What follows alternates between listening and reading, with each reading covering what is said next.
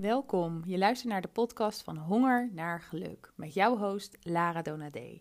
In deze podcast bespreken we van alles over eten, diëten, je relatie met jezelf, je zelfbeeld, eten en hoe je gezond in je vel kan gaan zitten.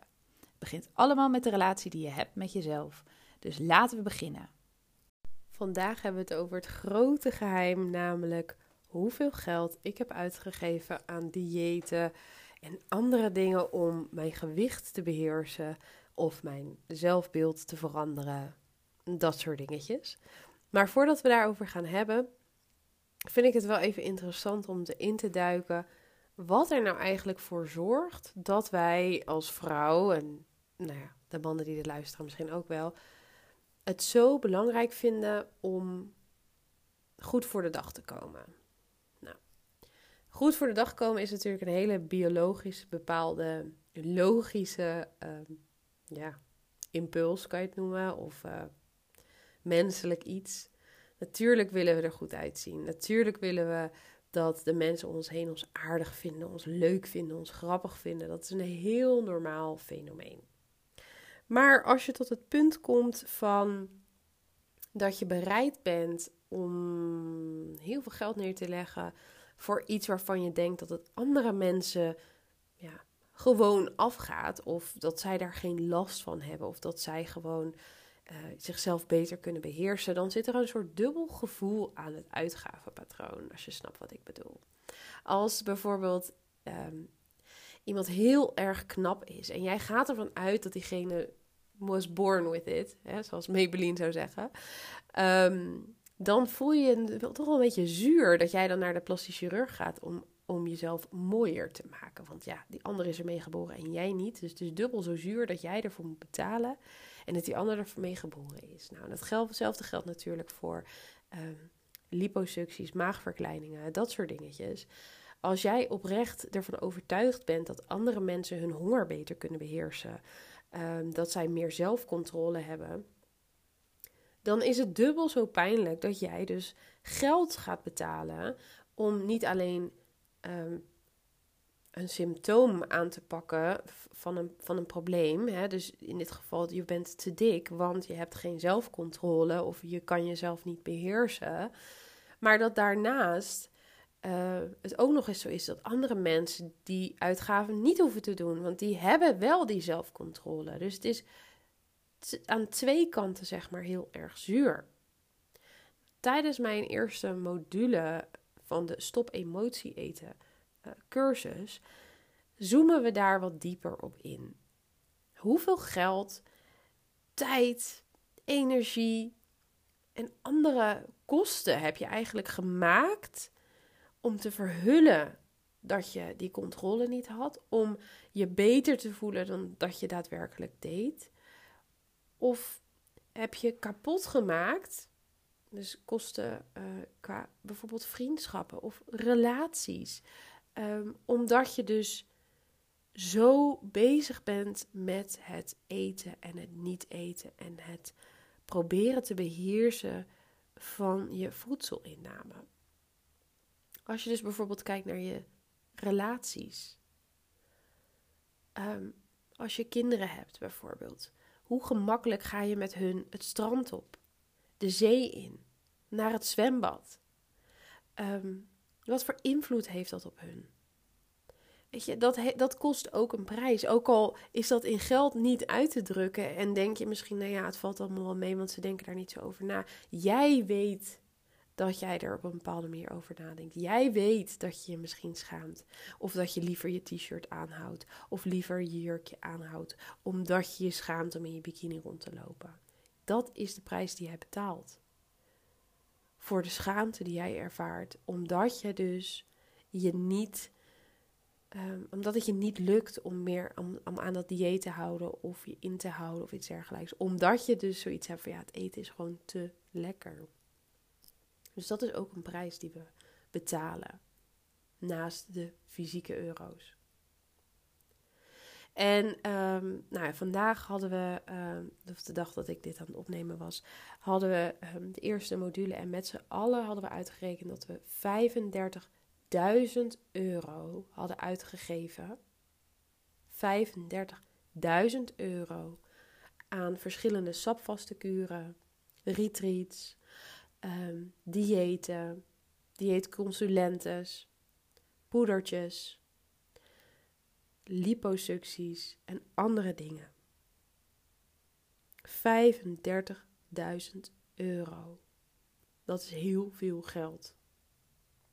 En het ergste is nog dat ze allemaal uiteindelijk bij mij terechtkwamen om de kern van het probleem op te gaan lossen.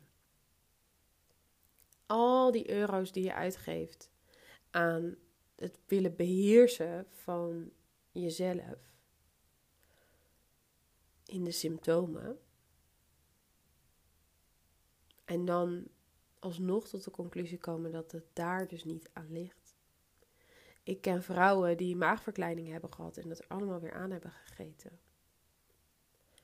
Het is namelijk symptoombestrijding. Hoe pijnlijk dat ook is. En hoe eng het ook lijkt om naar de kern van de problemen te gaan.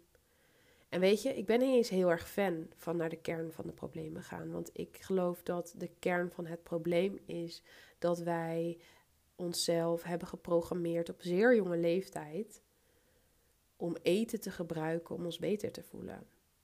95% van alles wat we doen is ehm, onbewust. En die programmering, die onbewuste programmering, begint gewoon op jonge leeftijd. Is, gebeurt eigenlijk tijdens onze kindertijd. Dus ergens tijdens onze kindertijd hebben wij ontdekt eigenlijk dat we ons beter voelen als wij eten.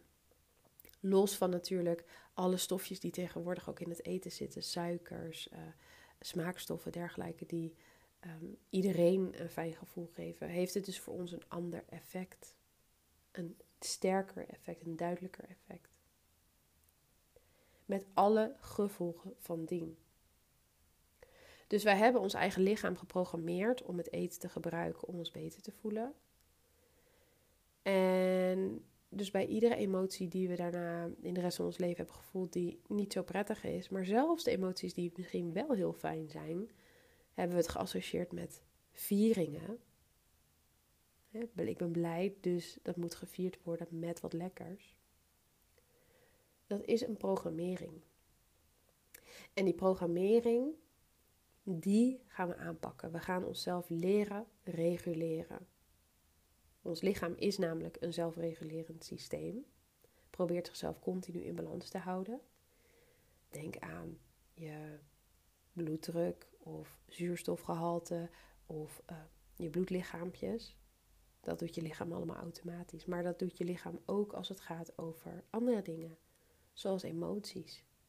Emoties vinden we soms heel spannend, heel eng. En daar heeft je lichaam dan een programmaatje voor om dat op te lossen. Alleen als dat heel erg uit de hand loopt, zorgt het dus dat het ervoor eigenlijk dat het zich tegen je gaat keren. Nou, en daar gaan we dus in de cursussen en in mijn één op één trajecten gaan we mee aan de slag. Maar goed, even terug naar de kosten die we dus maken om onszelf te beheersen, om ons eten te beheersen. Dat gaat dus echt in de tientallen euro's zitten. Nou was ik zelf erg jong toen ik begon met mijn helingsproces van mijn eetproblemen. En arme student. dus ik had, uh, ik had vaak hele, hele cheapo uh, oplossingen. Of tenminste, dat dacht ik dan. Dus bij mij zat het hem echt in de laxeermiddelen, in het overgeven, in het restricten. Um, Weight Watchers uh, heb ik ook gedaan. Nog een aantal andere dingen. Dus bij mij is het niet in de tientallen euro's gekomen, maar dat had zomaar gekund als ik nog langer was doorgelopen. Dan had ik dat zeker gedaan, 100% zeker, hand in het vuur. Ehm, maar ja, ik ben dus heel erg benieuwd naar jou. Wat is jouw rekensommetje als je erover nadenkt? Als je echt eerlijk bent, hoeveel geld geef je er dan uit? Maar ook hoeveel geld heb je uitgegeven aan het overeten, aan het bingen, aan het ongecontroleerd eten. Hoeveel geld zit daarin? Want ook daar gaat heel erg veel geld naartoe, wat je letterlijk opeet. Dus denk er even over na. Dat is de, de, de overdenking van vandaag. En um, hou mijn website in de gaten als je benieuwd bent wanneer de nieuwe Stop Emotie Eten cursus begint. Um, bestaat uit ehm, ja, een heel traject waarin we dus de diepte ingaan waarom ons lichaam reageert, waarom het reageert. Ik heb net, net al een stukje over uitgelegd. Ehm, de verhalen die je zelf vertelt, welke overtuigingen heb jij over waarom het wel of niet lukt. Een hele heldere why gaan creëren over waarom het wel gaat. En alle tools en tricks om jezelf te gaan leren reguleren, zodat je niet langer jezelf hoeft te tergen met eten, maar dat eten weer zijn rechtmatige plek kan nemen in jouw leven. Namelijk als voeding en als de occasional, de e- af en toe beloning. Of nou ja, geen beloning natuurlijk, maar gewoon treat. Iets lekkers af en toe. Nou, ik wens je nog een hele fijne, middag eh, of avond wanneer je dit ook luistert. En ik hoop dat als je hier wat aan hebt gehad, dat je het zal delen met iemand anders. Daar help je die ander mee en natuurlijk mij ook. En ik wens jou, ja, dat heb ik al gezegd, ik wens je een hele fijne middag. En ik spreek je snel weer. Volgende week weer een nieuw onderwerp. En um, ja, doeg!